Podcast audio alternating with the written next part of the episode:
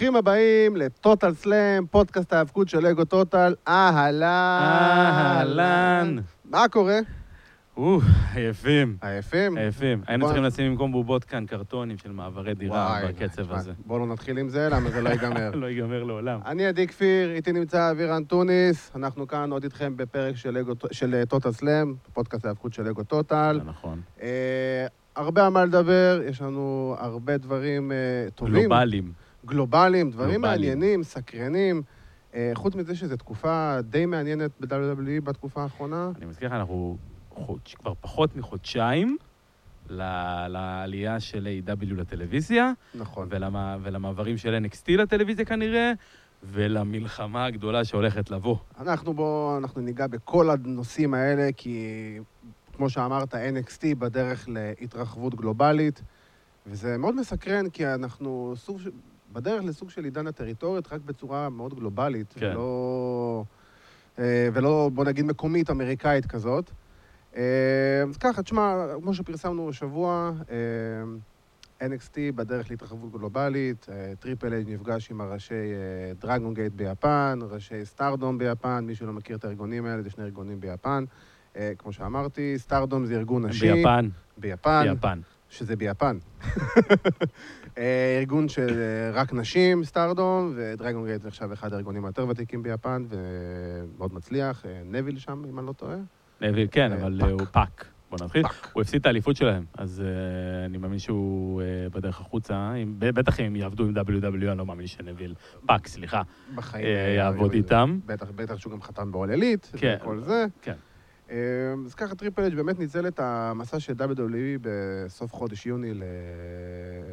ליפן, וניצל את זה כדי להיפגש עם ראשי סטארדום וראשי דרגון גייט, ותשמע, זה מאוד מעניין, כי אני חושב שאם NXT אה, מתחילים לעשות את השיתוף פעולה הזה עם דרגון גייט וסטארדום, זה קודם כל יכול להוות סוג של מכה לניו ג'פאן. אה, זה משהו ש... אתה יודע, כדי לפלוש לטריטוריה של זה ניו ג'פן. נישה, כן, אבל כל אחד זה נישה. תראה, כל המעברים וכל השיתופי פעולה למיניהם כרגע ש... שרצים, זה הכל חלק מה... מהמרוץ הגדול הזה לקראת אוקטובר. נכון. אה, כל אחד מנסה לשלוט בכמה שיותר טאלנטים בב- בתוך הבריכה, שהיא די גדולה היום. מאוד מאוד גדולה אפילו. אה, ו- ובאמת, כמה שיותר להביא גם אליו אה, שיתופי פעולה וכוחות, ואנחנו רואים את זה לא רק ב-WW, אנחנו רואים את זה בארגונים אחרים. כן. יש הרבה אה, שיתופי פעולה. MLW שעכשיו התחילו את הפר- פרו שיתוף רסלינג נועה. בדיוק. שפרו-רסלינג, אתה יודע, היה להם שיתוף פעולה מאוד פורה בתחילת שנות 2000, אה, בס- לקראת סוף שנות, אה, העשור הראשון שנות 2000 עם רינג אוף אונר. כן. היה להם אה, שת"פ נורא גדול עם דם, ובוא נגיד, מאז אה, המוות אה, של מיסאווה, אז אה, הם קצת דעכו אה, באופן כללי, כן, לא, בשנים האחרונות הם וניו ממש דעכו. ג'פן אה, מאוד אה, לקחו את השליטה ביפן, לגמרי תפסו את מקומם. אבל זה הולך להיות סופר מעניין. כן, שגם רינג אוף הונור, דרך אגב, סיימו את השיתוף פעולה שלהם עם, עם NWA. כמו שדיווחנו גם, שבילי קורגן רוצה ממש לקחת את NWA ולרוץ איתו לטלוויזיה, בתקווה שזה יצליחו להשיג איזה חוזה טלוויזיה. כן, אבל... לא יודע עד כמה באמת זה משהו ש... ש... שיכול לקרות, או צריך לקרות. לא, כי NWA זה... תשמע, זה- אין מה לעשות, זה מוצר ישן. נכון. הם צריכים לעשות משהו אה, מאוד אה, קיצוני כדי שהם יחזרו לתודעה. כן, אני, הייתי, אני בהתחלה חשבתי שהם יצטרפו. במידה כן. מסוימת. זה זה נשמע לי הכי בעולם. הגיוני ומתבקש, וגם ב... ולקודי יש מערכת יחסים איתם, נכון, וראינו את, זה ב... וראינו את זה ב... במופע אה, באולין, אה, בטח. לפני עידן הולילית. כן. אה, ראינו את השיתוף פעולה הזה, וזה היה יפה, וזה היה טוב, הם נתנו כבוד לתואר שלהם, כן. הם נתנו לו קצת פרסטיג' והרימו אותו, בוא נגיד שהזכייה של קודי בזמנו, זה היה הדבר הכי יוקרתי שה-NWA קיבלו מאז שהם, אתה יודע, הם עשו את השדף הזה שהיה להם עם אה, TNA בתחילת הדרך. נכון, נכון. זה ממש, אתה פתאום רואה את השם רודס מחזיק את התואר של NWA, זה מזכיר נשכחות. זה ברמת המיינסטרים, ממש ברמת המיינסטרים, זה, זה עשה... לא, זה, זה עשה- רק עשה מספיק, רק. מספיק התמונה של אה, האליפות של NWA מוחזקת, אה, יש קרב על התואר הזה, ומישהו מחזיק את התואר הזה שמאחוריו. יש בסביבות, קודם כל, כל האגדות שהגיעו, פלוס, כן. אה, עשרת אלפים צופים כן. שמגיעים, ולא מדהים. שהאליפות הזו מוגנת במופע אינדי קטן, כן, עם אה, אה, 150-200 איש בקהל, לא שאני. מזלזל באינדיס עם 150-200 איש חס בקהל. וחלילה, ממש לא, אבל כל- זה לא אותו דבר. זה- כל אוהד שמגיע, בדיוק, זה זכה, אבל זה לא אותו דבר. כן, היוקרתיות שיש לה- לתואר של NWA, מגיע לו את הבמה שלו, והם באמת קיבלו את זה שם, אבל קצת סטינו מהנושא. בוא שנייה נחזור לנושא הזה של, אה, של WWE ו-NXT. אה, בכלל, גם, גם דיווחנו ש-NXT אה, עשו, נפגשו גם עם ראשי בתי ספר להיאבקות בקנדה, בין היתר זה עם הבית ספר. להיאבקות של סנטינו, שמיודענו תומר שלום היה שם איזו תקופה מסוימת, מי שלא מכיר תומר שלום, צריך להכיר את תומר שלום, מתאבק ישראלי. אנחנו ש- נדאג שהם יכירו את תומר שלום. בדיוק, אה, מתאבק ישראלי שגר כבר בסביבות ה-7-8 שנים בקנדה, ויש לו שם חזק מאוד באינדיז באזור טורונטו. אה, שראינו על- אותו גם ברו באיזו הופעה ראינו אחת. אותו ברוב, וראינו אותו גם בארץ, בלא מעט מההופעות שהיו פה. אה, אז בהחלט מתאבק ששווה לעקוב אחריו, תעקבו אחריו. תומר, אתה תותח, ואנחנו אוהבים את מה אוהבים שאתה אותך, עושה. תומר. וזה בכלל זה מעניין, כי פתאום אתה רואה שיש אופציה שיהיה לך NXT פתאום בקנדה, ופתאום יש מצב שיהיה NXT ביפן, ויש דיבורים שיהיה NXT ב performance center בערב הסעודית, ובגרמניה יש דיבורים, וזה ממש, אתה רואה את טריפל אייץ' פותח את עידן הטריטוריות מחדש, וממש לוקח את המוצר של פותח- NXT זה- זה- לכל העולם, יותר כמו טריטוריה גלובלית. ממש ככה. בניגוד לטריטוריות של פעם, ש... שהם היו בתוך ארצות הברית ספציפית, פה אנחנו מדברים על טריטוריות גלובליות, ואנחנו רואים את זה ב-NXT UK, ש... שעושים את זה שמה, ובאמת, כמו שאמרת, יפן, קנדה, יש גם אה, דיבור על סין, ערב הסעודית, יש דיבור על דרום אמריקה. נכון, יש גם דיבור על אפריקה. כן. כאילו, זה ממש לבוא ולראות איך WWE ממש לוקחים את ענף ההיאבקות ושמים אותו על המפה. זה עניין של גלובליזציה. ברגע, ש... כן. ברגע שהם מבינים שיש להם גם תחרות בתוך ארצות הברית לפחות, נכון. בטח שזה, אתה יודע, לא תחרות ישירה עם, עם רוב וסמקדאון אמנם, לא, הם, אה, הם ממש לוקחים לא. את, את All Elite לתחרות ישירה של NXT. נכון, אז זה לגמרי תשים זה. לב, אין בעיה, יש, אתה יודע, זה כמו, זה כמו משחקי מחשב של פעם. יש לך את השלבים הראשונים. אז בהתחלה הם שמו את, אה, את אה, A.W. ושמו מולם את Evolve. נכון. שהיום Evolve, אם תסתכל על זה, זה פלוס מינוס הרביעי בחשיבותו. נכון. יש לך רו, סמקדאון, אה, רו, סמקדאון, NXT, NXT UK, שגם איפשהו שמה, גם ו-Evolve. 205 היה גם... 2-5, כן. אז לאט לאט, אתה יודע, הם, נותנים להם להתחרות קודם כל עם Evolve, נכון. ואז להתחרות עם אה, NXT, לפני שהם מגיעים לבוס הסופי, מה שנקרא. ברור, צריכים לעבור כמה שניות, צריכים להרוויח את, ה... את כן. החורים בחגורה, בוא נגיד, בוא, בוא נגיד ככה. אבל אני חושב שמה שאנטר באמת עושה, הוא קודם כל מוכיח ש-NXT זה מוצר ששווה, הוא ברנד בפני עצמו, הוא לא רק אה, מוצר פיתוח, כמו שהם אוהבים לקרוא לו, כן, הם- הוא זה כבר ממש- מזמן לא רק מוצר פיתוח. ברור, אבל עדיין וינס מתייחס אליו כמו מוצר פיתוח. ראינו את זה גם אה, בתקופה שלפני רסלמניה, שפתאום היה את ההעלאות המהירות האלה של אה, ריקושט וגרגנו ואליסטר בלק וצ'יאמפה, שחבל שנפצע. אה, כן, אבל לא אותו חוזר שם. כן, אה, יש דיבור שאולי אפילו יגיע באוגוסט. ל- באוגוסט, וזה כן. הלוואי, אני מת לראות אותו נותן זו הופעה בזה, ב-TakeOver טורונטו, יכול להיות מדהים. איך תדע, זרקנו משהו אולי לאוויר. הוא תקף את, אה, את אה, רומן ריינס. הלוואי, הלוואי, הלוואי, הלוואי. זה יכול להיות ממש מגניב.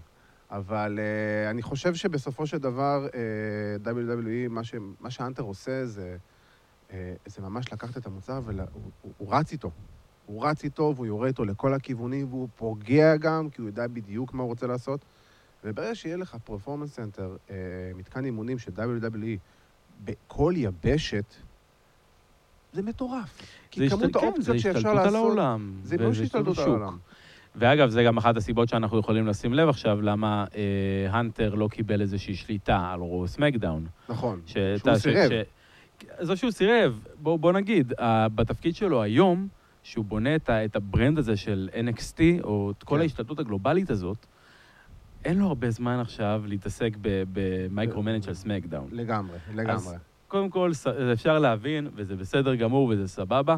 אה, ואנחנו רואים שבאמת הוא לוקח, גם בגלל השם שיש לו כטריפל אייץ', כמתאבק שהוא, מה, 14 פעם אלוף עולם, כן. כשם דבר ב business שבא להקים, ומספיק, אתה יודע מה, גם אם הוא הולך לכל מיני יבשות, מספיק שהוא מקים שני performance center ברחבי העולם, עוד brand אחד ברחבי העולם, זה כבר משהו. וזה כבר כניסה לשוק אחר ושוק חזק מאוד, נכון. כי לא הצליח להם, בוא נגיד, עם השוק של הודו יותר מדי, למרות אה, שגם שם מדברים. בוא אני אגיד לך, אני יכול אה, לספר לך שאני דיברתי עם אה, כמה אנשים בעולם ההיאבקות, ולפי מה שאני הבנתי, אימפקט בדרך לאבד את החוזה טלוויזיה שלהם בהודו, שזה החוזה טלוויזיה הכי חזק שלהם, חוזה טלוויזיה של 8 מיליון דולר בשנה, וואו. והוא בדרך לעבור ל-WWE. עכשיו, קודם כל. ברק, ברור שבצדק, כי זו מדינה של כמעט מיליארד אה, תראה, אנשים, ה- אולי אפילו ברור, יותר. בגלל זה, אתה יודע, זה מה שהוביל בסופו של דבר גם לזכייה המוזרה מאוד של אה, ג'ינדר מהל באליפות. לגמרי, כן. זה לא כזה תרם להם, בינינו, זה לא כזה תרם להם ב, אה, בסיבוב הופעות שהם עשו בזמנו, כי הם לא הצליחו למכור את כל הכרטיסים, לא. גם, גם עם ג'ינדר כאלוף, וגם ש- עם טריפל אייץ' ב main event. זה היה מוקדם מדי.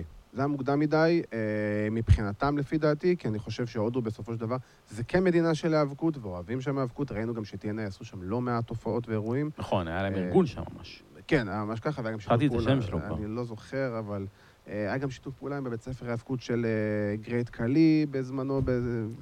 בית ספר להאבקות של גרייט קלי, זה... זה, זה... כן, זה כבר נשמע משהו לא...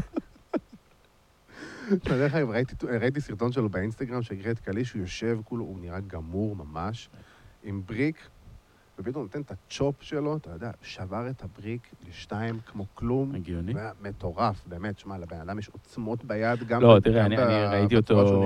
אני ראיתי אותו ב-2012, ו- וזה מדהים עד כמה הבן אדם הזה עצום. אבל... זה אה, לא כן. נורמלי, אבל... אה, תשמע, אני חושב שבסופו של דבר, אה, תחשוב, תחשוב על הסיטואציה, כמו שהיה לנו, נראה לי, אה, בקיץ האחרון, שהיה את הקרב של וולטר ופיט דן על האליפות, זה לא היה בקיץ, במניה, בסופה של כן, מניה. משהו כזה. היה את הקרב של כן. וולטר ופיט דן, שוולטר זכה באליפות של כן. NXT UK.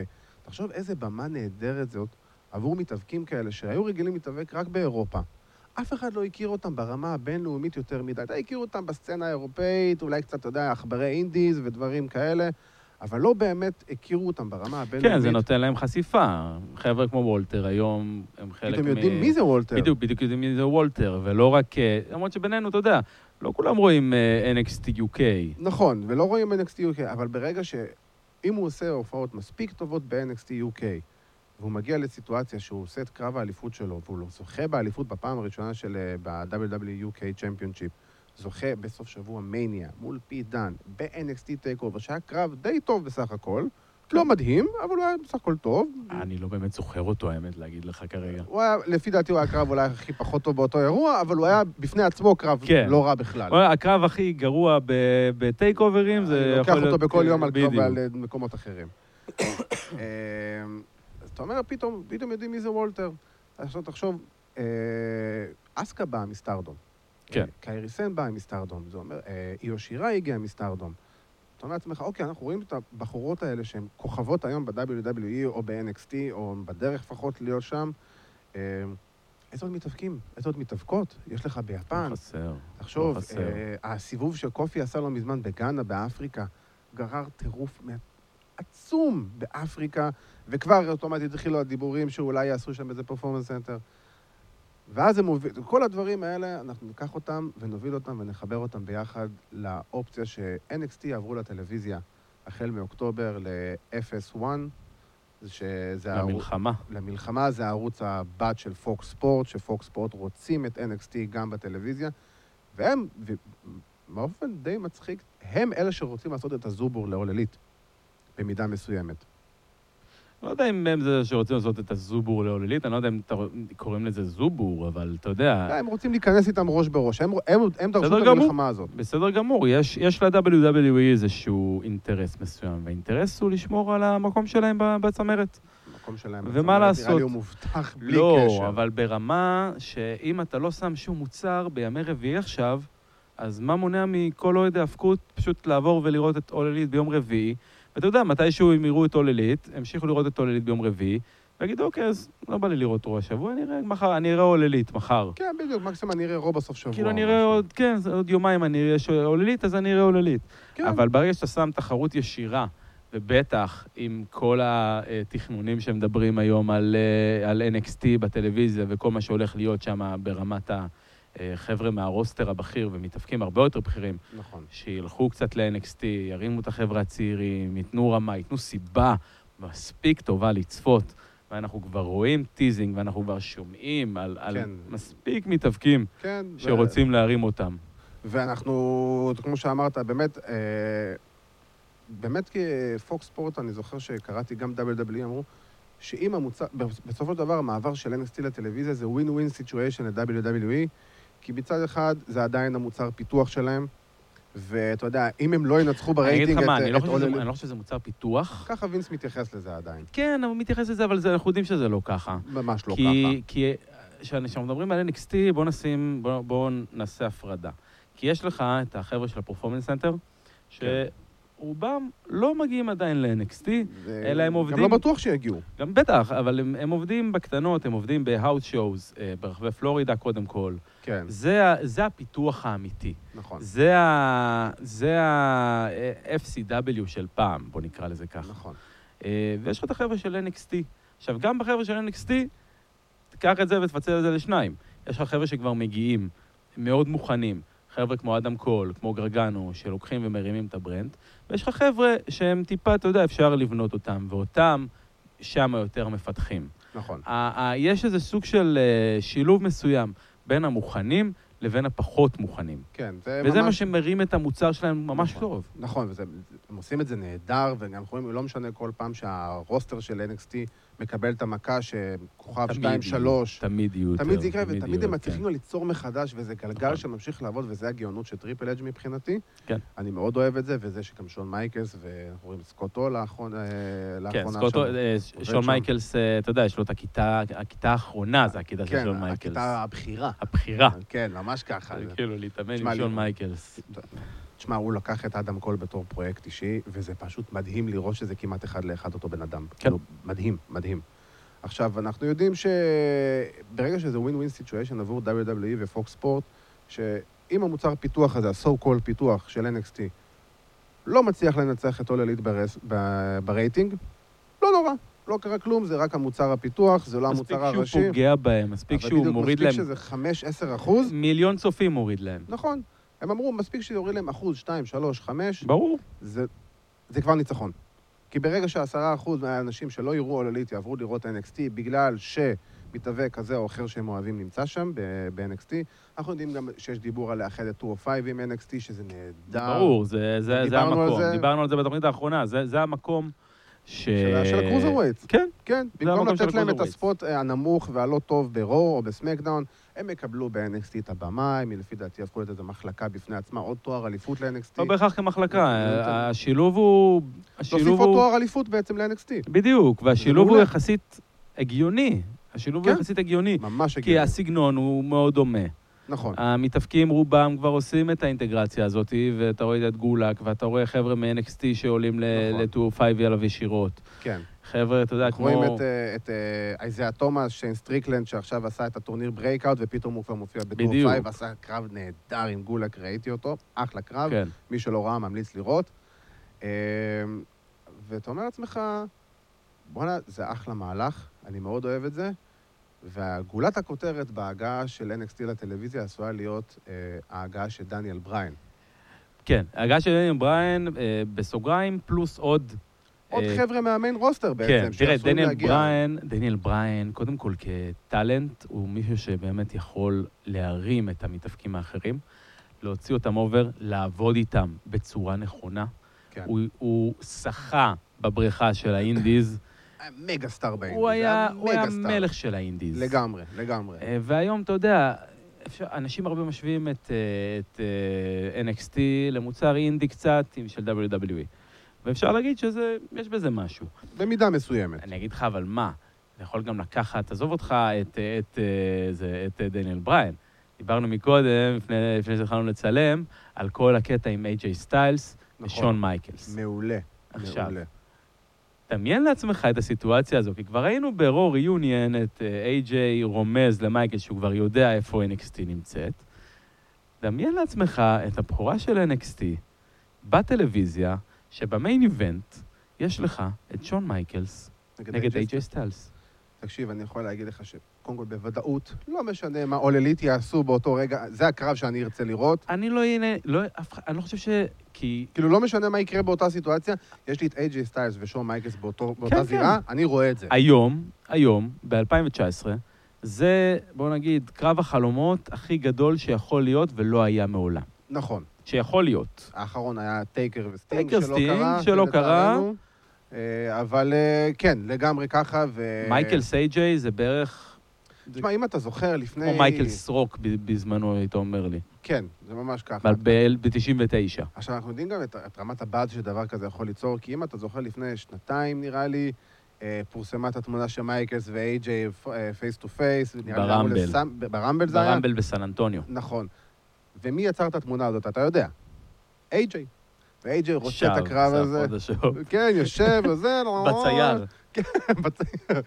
ו... ואני זוכר שהוא דיבר על זה, וה- והוא גילה שהוא זה שבעצם אה, זרק את ה-tease הזה לאוויר, ואני חושב שזה... זה, כמות ה-buzz שזה יצר ברשת, וכמות הדברים שזה יכול, שיכולים לקרות מקרב כזה, הרי זה ברור שאיי-ג'יי יצטרך לסחוב את שון ב, ברוב הקרב, וזה בסדר גמור, הוא יכול לעשות את זה, והוא תראה, צריך לעשות לא, את זה. מה- אני אגיד לך תכלס, אני לא מאמין שזה, שזה יקרה ב-NXT.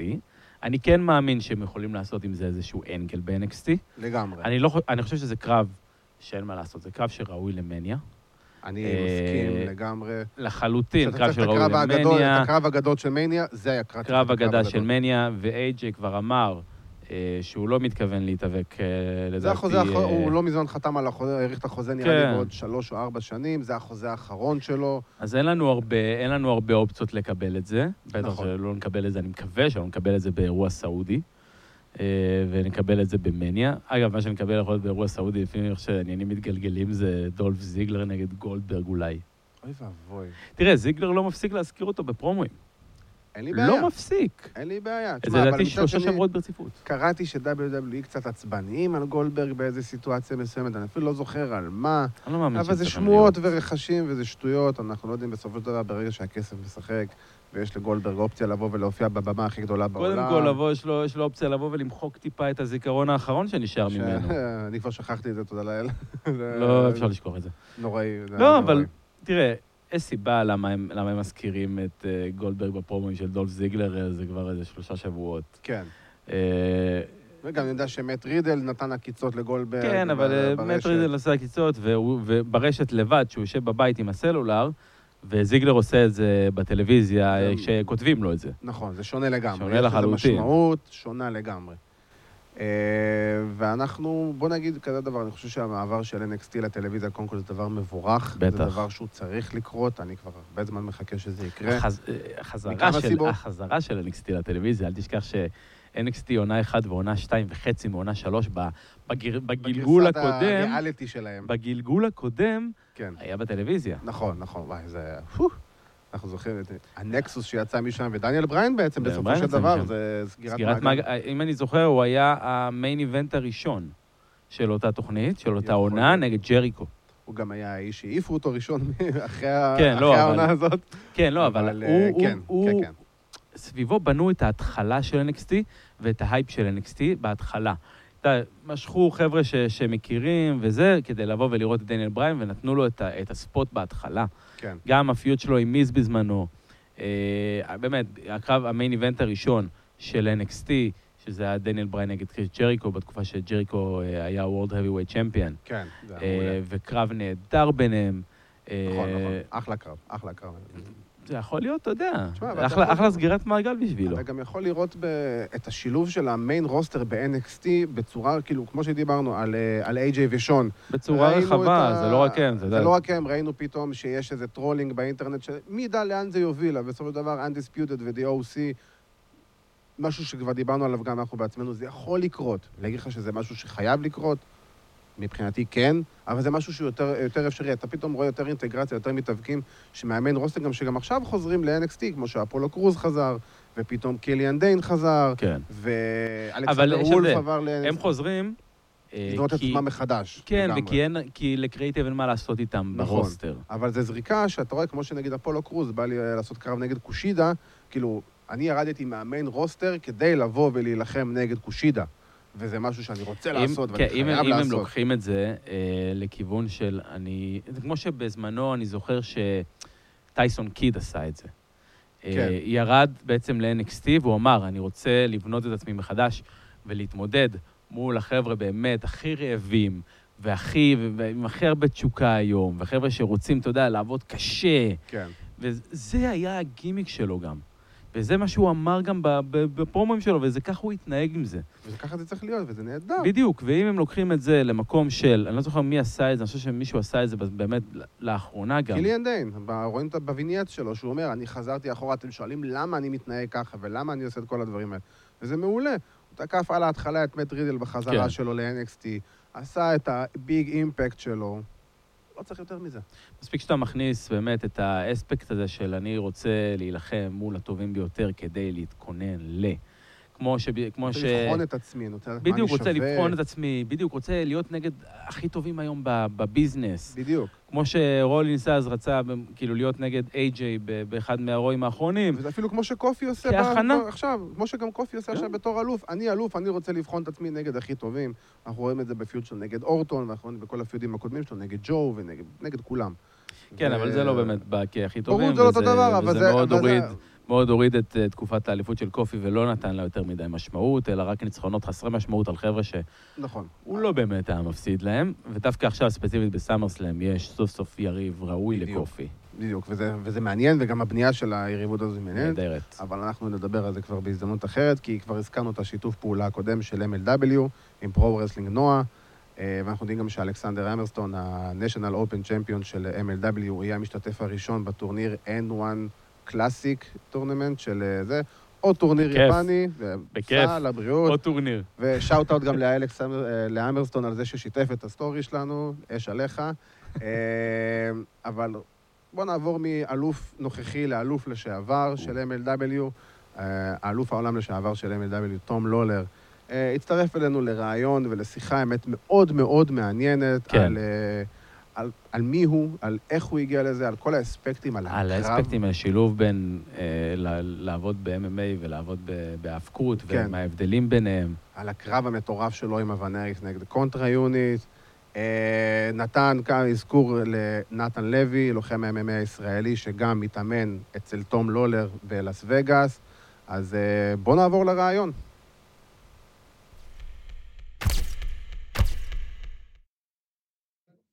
We are here with the former MLW, former MLW World Heavyweight Champion, Filthy Tom Lawler. How, are, you? Phil?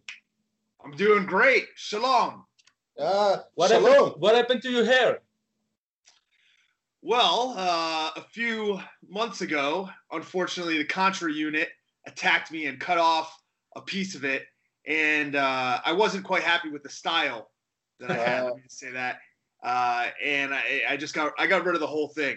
To be honest, um, when I was training, doing mixed martial arts and, and in the gym, it was whipping me in the face. I couldn't see anything. It would get caught on the ground, uh, and and pieces of it would just get ripped out. So uh, it's been a long time since I've had no hair, but I figured, you know, John Cena good. just cut his hair, so I would do the same. Looks good.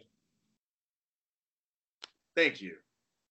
You look younger. Yeah. Yeah, I, I'm 36 years old. Um, I wish you could see the rest of my body is absolutely falling apart. So I'm glad that this piece at least looks like it's been taken care of now.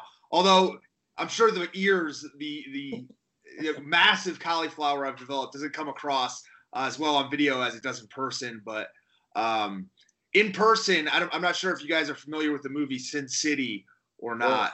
Yeah, but I look kind of like the yellow guy. Uh, that. So. Yeah. So, So, uh, if we talked about your martial arts career, uh, uh, for someone who don't know, uh, you used to fight at uh, UFC, Mhm. and uh, you had a long career over, over there in the UFC. Can you tell us a little bit how was it for you to be on UFC and uh, and what happened over there? Yeah, absolutely. It was, uh, you know, when I was growing up, uh, professional wrestling was around, but mixed martial arts was in its infancy. And uh, when I was about 12 years old, I saw the second UFC, and I started following it ever since that day. So I would I would watch UFC three, UFC four, UFC five, UFC six, and there was a period where they weren't on pay per view. Virtually the only way that you could follow the sport was if you were on the internet and you were a real hardcore fan, uh, which I was. I would order tapes uh, from Japan of mixed martial arts events. Uh, so I was I was very involved in in the scene uh, when there really was no scene. And in 2003, I had my first fight, and then I had a few years off where I didn't fight. I was still in college. I was I was 20 years old at the time when I had my first fight. Um, I was still in college, so I was wrestling there. And then when I was done uh, with university, I started doing some professional wrestling. And for a few few years, I did that. And then I decided, um, you know, I would go back into mixed martial arts to get more involved. And you know, it was still kind of at a point where uh, I only had five or six fights, but there weren't that many people out there trying to get to the UFC. There weren't that many people trying to make a career out of it, uh, as opposed to like how there are now.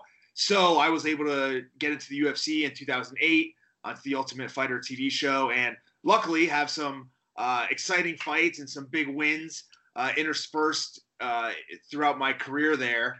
And you know, it was a it was a great time for me. It was an awesome time, and um, you know, it was obviously a period of my life that I'll never forget. And, you know, it helped make me who I am today and, and will continue to do in the future.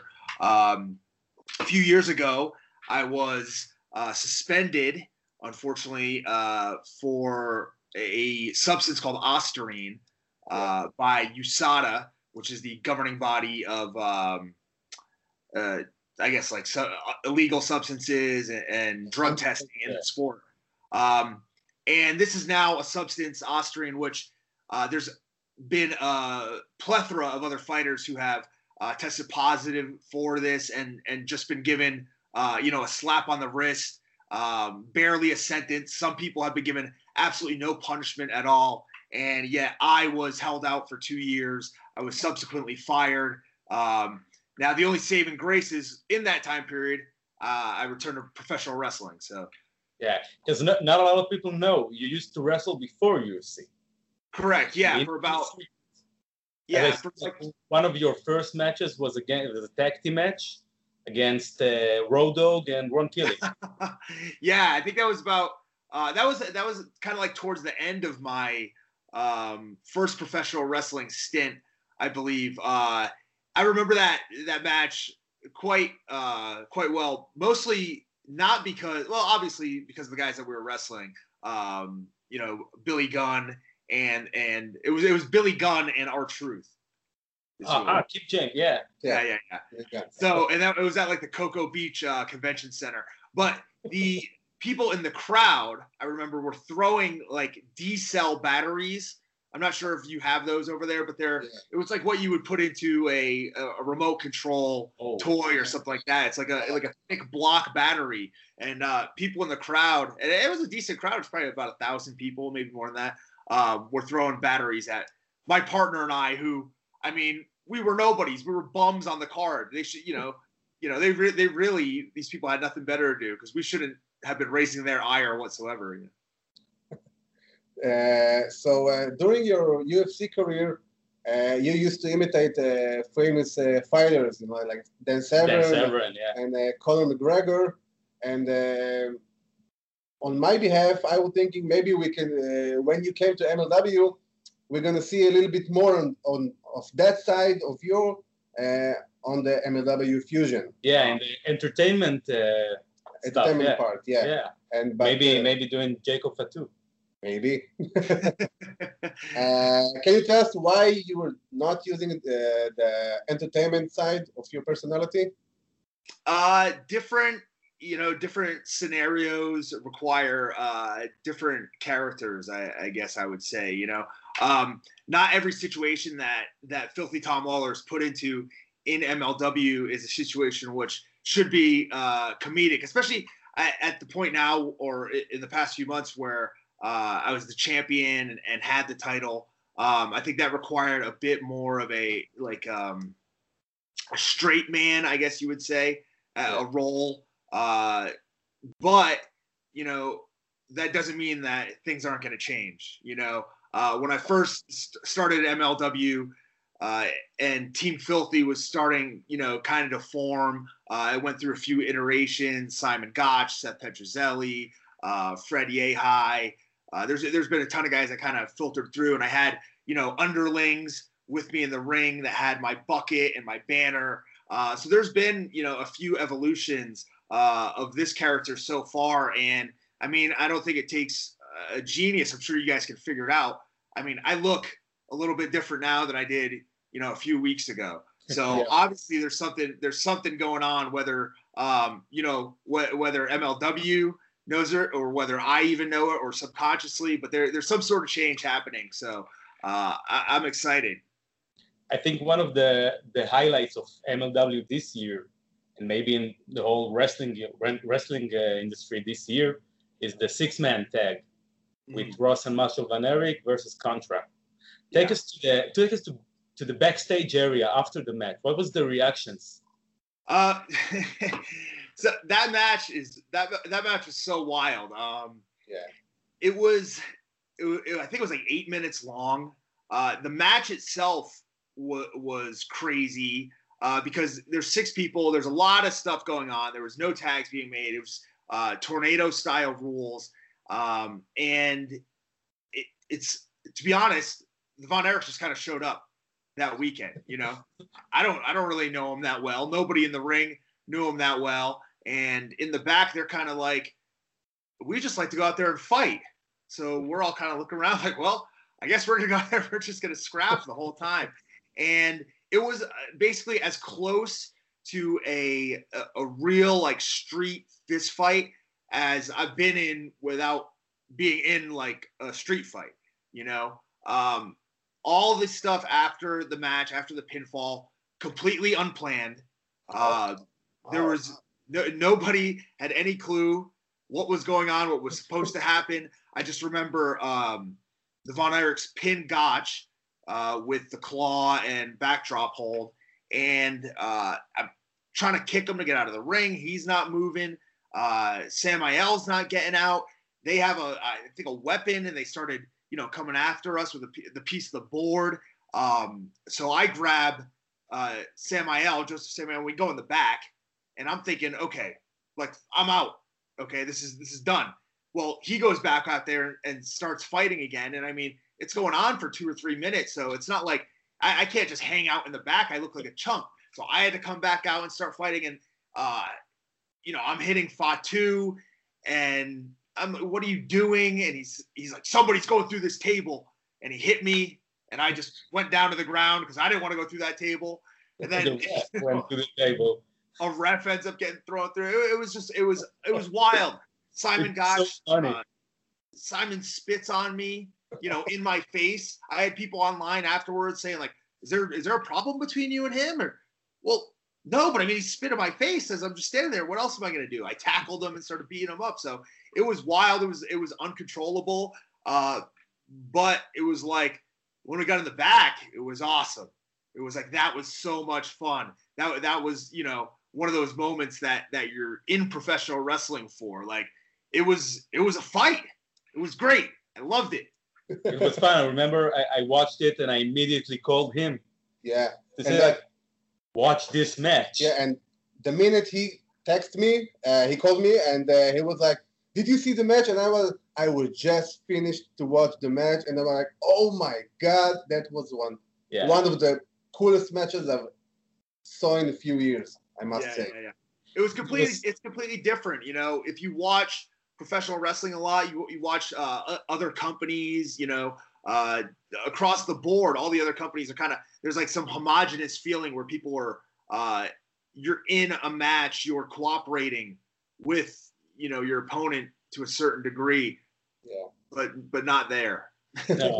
there was no cooperation that, whatsoever. That, that, was so. That was because it's so awesome. Yeah. Yeah. That, that made it awesome. Yeah, it was. It was so organic. It was so yeah. natural. You can feel the tense, and because no, because as you said, nobody knew what they're gonna do. It was felt re- realistic. Yeah, and that's what real. made, made it magic. Yeah, yeah, yeah, yeah. So so old school vibes, you know. Yeah. And uh, this match, of course, led to your uh, title match against uh, Jacob Fatu at Kings of Colosseum.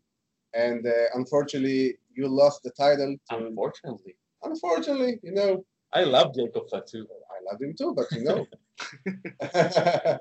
uh, so, uh, as a, a, former MLW World Heavyweight Champion, how do you summon your title reign as a champion of MLW in this crazy uh, pro wrestling uh, world going these days?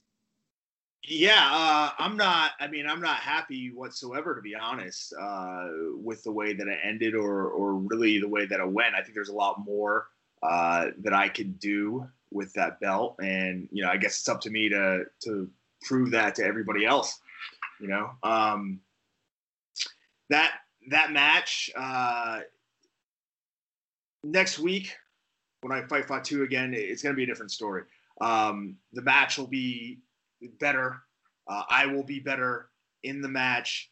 Um, you know, I, am not sure what the outcome will be, but I'm, you know, looking forward to it. I think that in the first outing, people came away, eh, people were cheering Fatu at the end of the match. You know, that people wanted him uh, to beat me.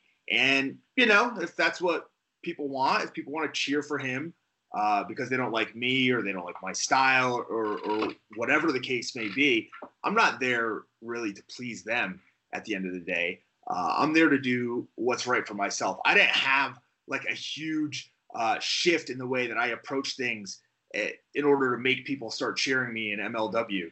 People started getting behind me because I won the battle riot and because I was the one that was I was in the match 50 minutes, outlasting everybody else you know, outworking everybody else. And that's what people clung on to. There wasn't a, a big shift in me. So now, if the fan base wants to shift the other way and they want to cheer on Fatu, I don't care. You know, go for it. All it's going to do is going to make me better in the long run. I really believe that. So.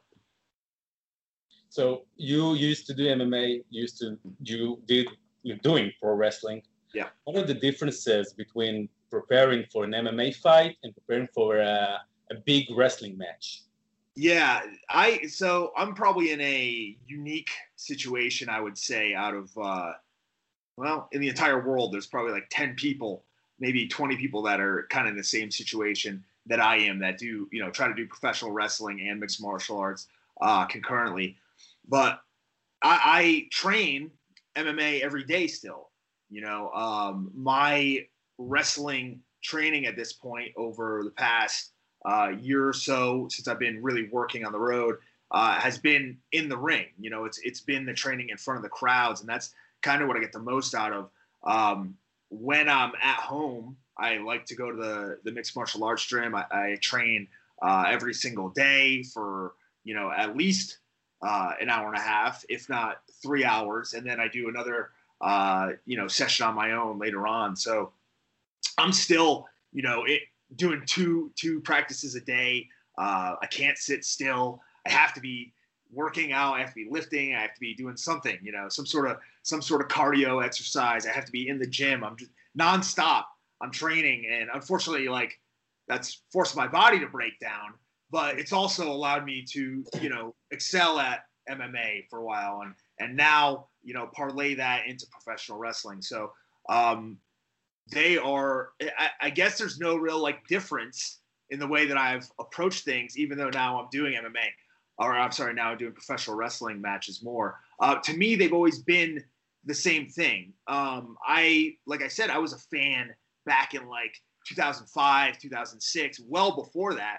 But around that time was when Pride really was had like captured the market in Japan, and there wasn't a necessarily a difference, you know, at one point. It was like uh, mixed martial arts in parts of the world were prof- that you know like style of professional wrestling. You know, they were they were professional wrestling companies doing shoot fights. Um, so to me, they were always just kind of intertwined. The biggest difference uh, and the worst thing, 100%, 100%, no matter what anybody else tells you about professional wrestling, is the travel. If I can walk outside my door or drive to the, the gym 30 minutes or even an hour. I'll, I'll even say two hours. Okay. If I could drive two hours every day and wrestle and then drive home, great. That sounds awesome.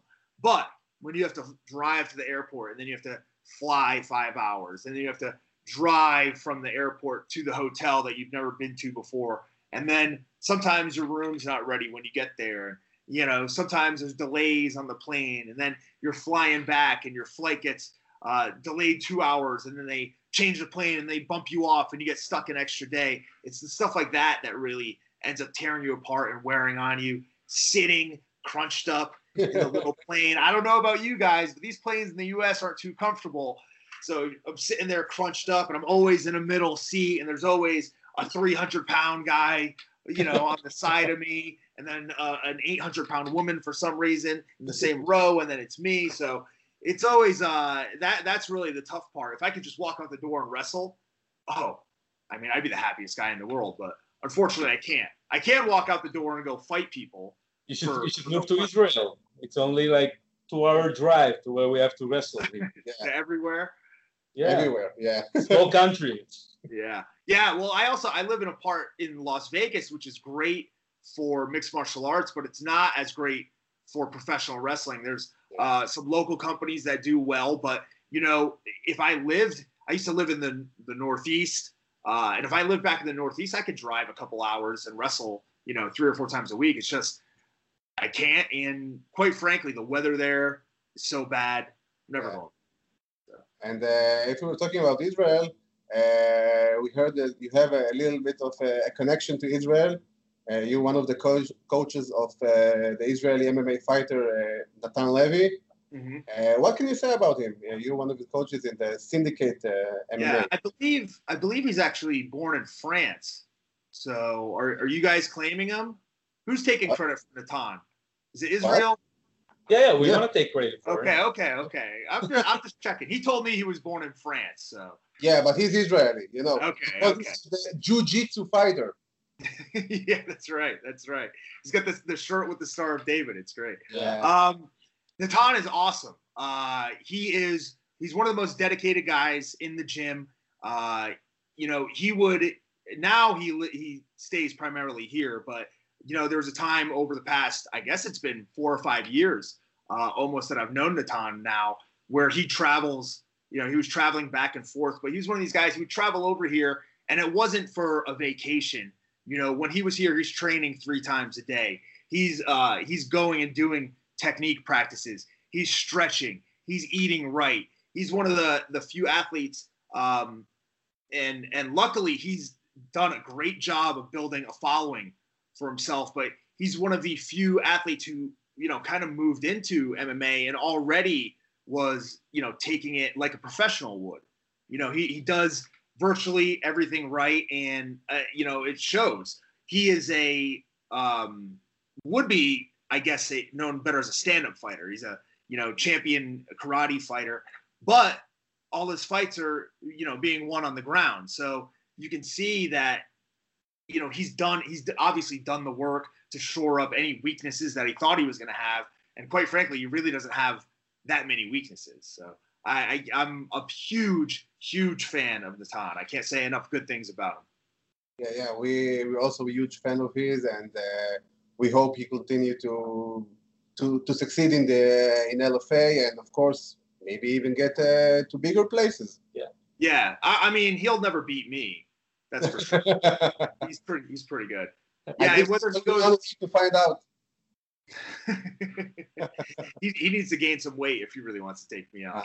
Okay. He needs to get hungry. I hear, I smell a little bit of a challenge. it's this is the man here. he's he's a man. Yeah. He's one of them. Yeah. so what what is the future held for uh, Filthy Tom Lawlor? Where where do you see yourself in five years? Maybe oh. working in a bigger company like WWE, AEW. Uh, honestly, in five years, I hope that I'm done. I hope that I'm retired. I hope uh, I hope I'm not traveling every weekend on the road. Um, uh, I, you know, it's a good question. Obviously, as I get older and older, my my thoughts change. I thought I'd be retired by 35. I thought like I would never never have the thought or desire to fight again. Uh, but really, like over the past week or I'm, I'm sorry, the past few weeks or past few months, uh, I'm really like fired up and and you know dying to get into the cage again. So um, I constantly go through these shifts where I think I'm going to be you know out of one thing and then it it kind of drags me back in. Um, in five years, I hope I'm like 280 pounds. Uh, and, you know, I'm one of these guys that has to cut to make heavyweight in MMA because seemingly you can be, you know, 50 years old and be a good heavyweight. So uh, hopefully I can gain a ton of weight in between now and then and prolong the life of my MMA career while at the same time, you know, uh, you know, wrestling. I, I love to keep wrestling. I just don't want to be on the road every week. So uh, that's one of the the great things um, you know I love about being involved with MLW is is the schedule. So yeah, that's why Brock Lesnar left in 2004 and went to the UFC because yeah. of the traveling. Yeah, yeah, yeah. It really is. Like I like I said before, that's really the big killer. You know, and uh, as you get older and people, you start to have families, you start to have children, and then you're gone half the time.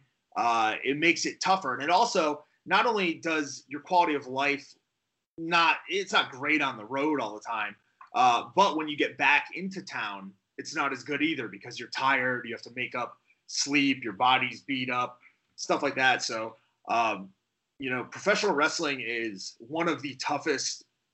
Eh, it's a tough sport, but even more so, the lifestyle is yeah. one of the toughest lifestyles I think that you could you could imagine on planet Earth or or any galaxy, as we may find out in a few months. uh, so uh, our final question is, uh, of course, you know uh, there is WWE, and now we have All Elite Wrestling and Impact Wrestling and Ring of Honor and New Japan.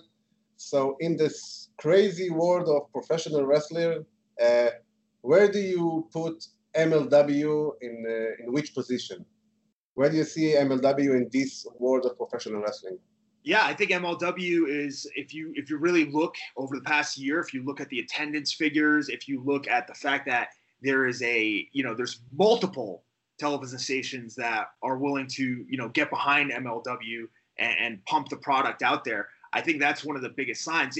Some of the other wrestling companies, um, you know, don't have they, they may have the the financial backing, but they don't have the you know like the, the drive the driving force behind the scenes, uh, like I feel like MLW does right now. So to me, it's it's obviously the the television deals that WWE and AEW have in the U.S. are are huge. You know, the same with Ring of Honor um, to a certain extent, but I really see MLW kind of in like the the old ECW uh, role as as the third. You know, right now it's the third company. It's really really actually the alternative to what you're probably going to get from um, WWE and AEW to a certain extent. You know, they're going to be you know somewhat similar because of the the level of production and the and the money and uh, the fact that they're on um, you know TNT or or USA and Fox. Um, but I think MLW has obviously carved out its own niche and it's the one eh, like wrestling company that's really focusing on the Hispanic market um, yeah. as well in the U.S., which is a huge growing population. And if you watch WWE, you watch some of the other companies, watch Ring of Honor, who has some great uh, Mexican stars. They don't really use them um, to their best, and I think MLW really does that. And that's a whole nother like that's another market that um, me I, I don't capture any of those demographics. I don't appeal to that to the Hispanic market very much. So uh, you know, it's not something that like there, there's a whole nother group of people out there that are that are being brought in by that. You know, you get a whole nother group of people that are kind of like brought in by a guy like Mance Warner. You know, um, we don't all attract the same audiences, but on MLW you have all these different types of people. You have these different personalities, and I think that that has really created like a melting pot. Yeah, that's. That I, yeah. I think you said it correctly. That Savio Vega now. Now Savio Vega, of course. Yeah, yeah, I just saw him. Uh, I think I wrestled on a show with him about a month ago. So oh. yeah, him uh, actually he, he and Mance uh, Mance Warner worked together. So ah, nice. more So we have something to look forward. Yeah. Yeah, yeah, yeah, for sure. He can still go. Yeah. So uh, Tom Lawler, we want to thank you very much for the, for your time, and uh, wish you uh, all the best in your match against uh, Jacob Fatu in a couple of weeks and uh, it was great having I you. like Fatu as well, but Don't don't tell anybody. I, I won't tell. I won't. okay. so thank you very much, and uh, Thank good you. luck. No, thank you very much. I appreciate it. Great, thank you. תודה רבה שחזרתם אלינו מהראיון עם תום לולר. תשמע, אני חושב שזה אחד הרעיונות הכי כיפים שאני עשיתי. אני חושב שאתה אומר את זה על כל הרעיונות שאנחנו עושים. לא, אבל זה רעיון כיפי, כי הוא משתפר, אנחנו משתפרים, אנחנו משתפרים, אבל זה באמת רעיון כיפי. כאילו, זה לא רעיון רציני, וזה לא רעיון, אתה יודע, נגיד עם, עם ון וליט, זה היה רעיון, אה, אתה יודע, אה, זורם, בוא כן. נגיד כזה דבר. עם תום לולר, שאתה רואה שזה בן אדם שמגיע גם מעולם ה-MMA, ועכשיו גם מעולם ההיאבקות, ופתאום אתה, יכול להגיד לך, גם בתחקיר הקצר שעשינו לקראת הרעיון, פתאום גילינו תום לולר אחר לגמרי, כמו לגמרי. שדיברנו איתו. אה, על כל השטויות שהוא היה עושה ומחכה, תקשיבו, החיקוי שלו לדן סברן. ב- נפלא. ענק, ענק, שמע, כל הטייק. תראה, הוא הוא באמת אחד, תשמע, הוא לא הרבה זמן, אה, הוא חזר הרי לביזנס, כבר דיברנו על זה איתו, והוא לא הרבה זמן רץ ב- בעולם ההאבקות בסביבות השנתיים פלוס מינוס. משהו כזה, הוא עדיין קצת ירוק. לגמרי. אה, ראינו את זה בקרב אבל- אליפות נגד אה, פאטו. כן, כן, אבל, אבל זה גם מה שמייחד אותו, כי הוא לא מתאבק. הוא הרי הוא בסוג של לוחם MMA שעושה עכשיו האבקות. כן, הוא... וזה חלק, מה, וזה חלק מה שהוא, ממה שהוא אמור לעשות, וזה ככה הוא גם אמור להיראות. אין לי בעיה עם זה בכלל. אני גם מאוד אוהב את זה שהוא אומר, אני תום לולר, אני לא היל, אני לא פייס. תאהבו אותי, תשנאו. אותי, לא משנה. אני תום לולר, זה מה שאני מציג, מציג על השולחן. הוא באמת אחד הפרוספקטים היותר טובים שיש ל-MLW היום להציע. אה, בטח בסיטואציות אה, כאוטיות, אה, כמו קרבות עם, קונטרה או כן. פאטו או כל דבר כזה או אחר, כי הוא מביא משהו מאוד אמיתי בהתנהגות שלו, בהבעות פנים שלו, ואנחנו רואים, הוא באמת בן אדם שהאישיות שלו יוצאת החוצה. לגמרי, הוא ממש... ואנחנו יודעים שהוא יכול להוציא יותר החוצה. כן. כן, עד עכשיו מאוד ראינו את הצד הרציני שלו, ואת הצד אני לוחם MMA ואני אקרא לך את הצורה, וכל הדברים האלה, שזה בסדר גמור, וזה מה שהוא היה צריך לעשות. אבל כמו שהוא אמר ברעיון, הוא זרק לנו איזו רמיזה קטנה שאנחנו בעתיד, אולי אפילו העתיד הקרוב, נראה קצת נראה צד אחר של תום אספקטים לולר. יותר, ש- כאילו, אחרים ממנו, בוא נגיד ככה. כן, וזה מאוד מעניין, כי אנחנו יודעים שהוא יודע לבדר. ואנחנו נראה את זה רק כנראה ב-MLW ולא במקום שיגרום לו אה, לנסוע בדרכים במשך אה, שעות על גבי שעות כן. על גבי שעות. ואז באמת, אחלה רעיון ואחלה תום לולר, ובאמת כיף לראות אותו, הוא מבחינתי באמת אחלה מתאבק, והוא הוא תורם לכל העלייה הזאת של MLW ב- מאוד. בחודשים האחרונים. העלייה, עלייה באמת, קפיצה, אני יכול להגיד לך באמת, שכשהתחלנו אנחנו לעשות את, ה, את הפודקאסט הזה, והתחלנו קצת אה, לדבר ולראות אה, את המוצר של MLW, המוצר של MLW לא היה בכזו רמה אה, נכון. הוא גבוהה. חושב בסדר ש- גמור. אה, אפילו, אני חושב שזה טיפה אפילו, אתה יודע, באמת, אבל אני גם אמרתי לך את זה, אני לא הכי התלהבתי מהמוצר של MLW בהתחלה. נכון.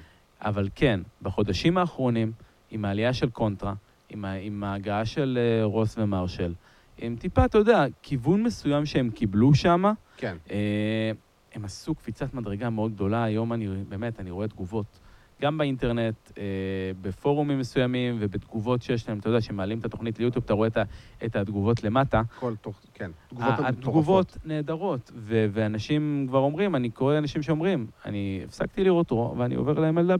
כן. נורא, אני נורא נהנה מהתוכניות של MLW, יותר ממה שאני נהנה מתוכניות של WWE. והאמת, באמת, הפרק האחרון לדעתי, שאני ראיתי של MLW עם, אה, בקרב של, אה, קונטרה של נגד קונטרה רוס נגד. רוס ומרשל, אה, סיימון גאץ' וג'וזף סמייל. אחלה קרב, קצר, קולע. בדיוק. בול, אה, אה, ברול טוב. לא צריך, אני לא. פיניש אני- טוב. אה, כן, אני לא צריך, אני באמת שלא צריך יותר מזה. נכון, נכון. ואני מסכים, אני חושב שבאמת בחודשים האחרונים MLW ממש התחילו ממש בקו עלייה ממש כן. ממש חזק. וגם כל מי שאתה מדבר, אתה ראית, גם אפילו שאלנו את ון וליט, מה אתה אומר על MLW? אוי, I love MLW. כאילו, כולם פשוט, גם אני שומע בבאסטד אופן כל הזמן, נורא מפרגנים. נורא מפרגנים, ו- אנחנו אוהבים את המוצר שלכם. הוא לא, הוא, לא, הוא לא מעבר למה שהוא צריך להיות. נכון, קורט באואר גם אמר שהוא הוא מאוד מייחד את, אה, את MLW בהתחלה ככמו ECW. בהתחלה, אני יכול להגיד ש- ששמעתי אותו אומר את זה אה, וככה, קצת, אה, קצת, קצת- אה, נכון, זה כן, היה- קצת גיחכתי. היום אני קצת מצליח להבין למה הוא התכוון. כן. אה, למוצר, שזה מוצר טיפה אחר, עם אווירה טיפה שונה. ואתה יכול לראות שבאמת, אה, ג'ים קורנט מאוד אה, תורם שם. ועכשיו עם טוני שבוני, כל מה שקרה שם. כן. הוא חוזר, והוא גם מאוד מוסיף. אבל טוני שיבני לא היה ב-MLW, אם אני לא טועה, כבר כמה חודשים טובים. אבל עכשיו הוא חוזר בקרוב, לאירוע הקרוב הוא יחזור. הוא יחזור לשדר. כן, זה לפי מיקום הבנתי, הוא וקורנט כן, עושים את זה, אבל קורנט נותן להם הרבה יותר קרדיביליות, גם ברמת ההאבקות. אני חושב שגם ברמת מאחורי הקלעים, קורנט כן. נורא תורם, אנחנו יודעים שהוא כבר עובד עם אה, פרומו עם ראש ומרשל. על הפרומואים אה, שלו, כן, שלהם. בדיוק, והוא נותן להם את ה... את ה... הרי רוס ומרשל מאוד באולד סקול, מאוד כן. טקסס, מאוד זה, ועכשיו זה בדם שלהם, אנחנו יודעים, אבל לקחת מישהו אה, כמו קורנט, שחי את הטריטוריות בשנות ה-80, ובשנות ה-90, ובאופן כללי, חי היסטוריה של האבקות. לגמרי, הוא ארכיון מהלך. הוא ארכיון מהלך של היסטוריה של האבקות. ולקחת, ומה שנקרא, לפשפש לו במוח, רק, רק כולם יכולים להרוויח מזה. רק להרוויח מזה, ובטח שאתה מייחד את המוצר שלך על העולם הזה, ועל. התפיסה הזו. בדיוק. ועל שילוב של לוצ'ה, ואתה לוקח חבר'ה כמו קונן, אה, ש, ש, שיש לו היסטוריה ענקית בלוצ'ה ובמקסיקו ובכל הסגנון הזה. הוא מרים חבר'ה צעירים כמו ש-MJF. בטח. MJF קיבל את השם שלו דרך MLW כן. בעצם. ואנחנו רואים גם את, אה, את אה, בריאן ג'וניור, את בריאן פילמן ג'וניור שם, ודייווי בויד סמית, וכל ה-Hart Foundation, ו... אחלה של מוצר, ולא בקטע אה, מוכר, באמת כן, בקטע כן, כן. אמיתי. כן, בקטע אמיתי. אחלה של מוצר, ופשוט כל שבוע זה פשוט הפרק יותר טוב מהקודם. באמת, אני, באמת, בקטע אמיתי, אני חושב שאם, כאילו, הצופים שלנו יחזרו ויראו את ה... אני חושב שזה הפודקאסט הראשון שעשינו, השני, כן. ודיברנו על, על MLW, זה היה אחרת לגמרי. נכון. הקפיצת מדרגה ש-MLW באמת עשו בחודשים האחרונים, היא מדהימה. מעולה, מעולה. והם מצליחים לייצב את עצמם, וגם הקהל לוקח אותם, והם נהיו סל-אאוט. כמעט, סלאוט כמעט כל, כל הקלטות. בדרך לפייפריוויו ראשון. בדרך לפייפריוויו, בדרך, אם כבר דיברנו בהתחלה של התוכנית על אה, גלובלי, אז אה, כל יש את החוזים בישראל, שאיתנו, נכון. אה, ויש שם את החוזה באפריקה שעכשיו הם עושים. נכון, ויש ובאמת, להם באנגליה ובאירלנד. הם הופכים לאט-לאט, לאט-לאט, לאט-לאט. לארגון אולי, נקרא לזה, השלישי או הרביעי. נכון. בגודל שלו בארצות הברית היום. אני מסכים, ובאמת, רק שימשיכו ככה, כי פשוט כיף לראות אותם. הם נותנים אחלה מוצר, וגם אפשר לראות אותם גם אצלנו, בכל מקום, כאילו. נכון. זה... ואבירן טוניס, אני רוצה להגיד לך תודה רבה. תודה לך. וחברים, תמשיכו לעקוב אחרינו גם בפייסבוק, גם באינסטגרם, גם בטוויטר החדש שלנו, גם בערוץ יוטיוב שלנו. כל הפודקאסטים שלנו וכל מה שתרצו נמצא שם ברשתות החברתיות. MLW... ב SoundCloud. ב SoundCloud עכשיו אנחנו גם. כן. ובקרוב אה, בעוד כמה מקומות ועוד כמה אה, התפתחויות מעניינות. אנחנו נהיה בכל מקום. אנחנו בסוף נשתלט על העולם. במקלחת שלכם אנחנו נחכה. עם סכין. Bray Wyatt, כזה style. אה, ובכל מקרה, MLW Fusion, כל יום שלישי בשעה שבע, אה, תוכנית הסיכום של Raw, כל יום, של... כל יום שישי בשעה חמש, תוכנית הסיכום של SmackDown כל יום שבת בשעה חמש. אני הייתי עדי כפיר, זה אבירן טוניס, שיהיה לכם שבוע too sweet.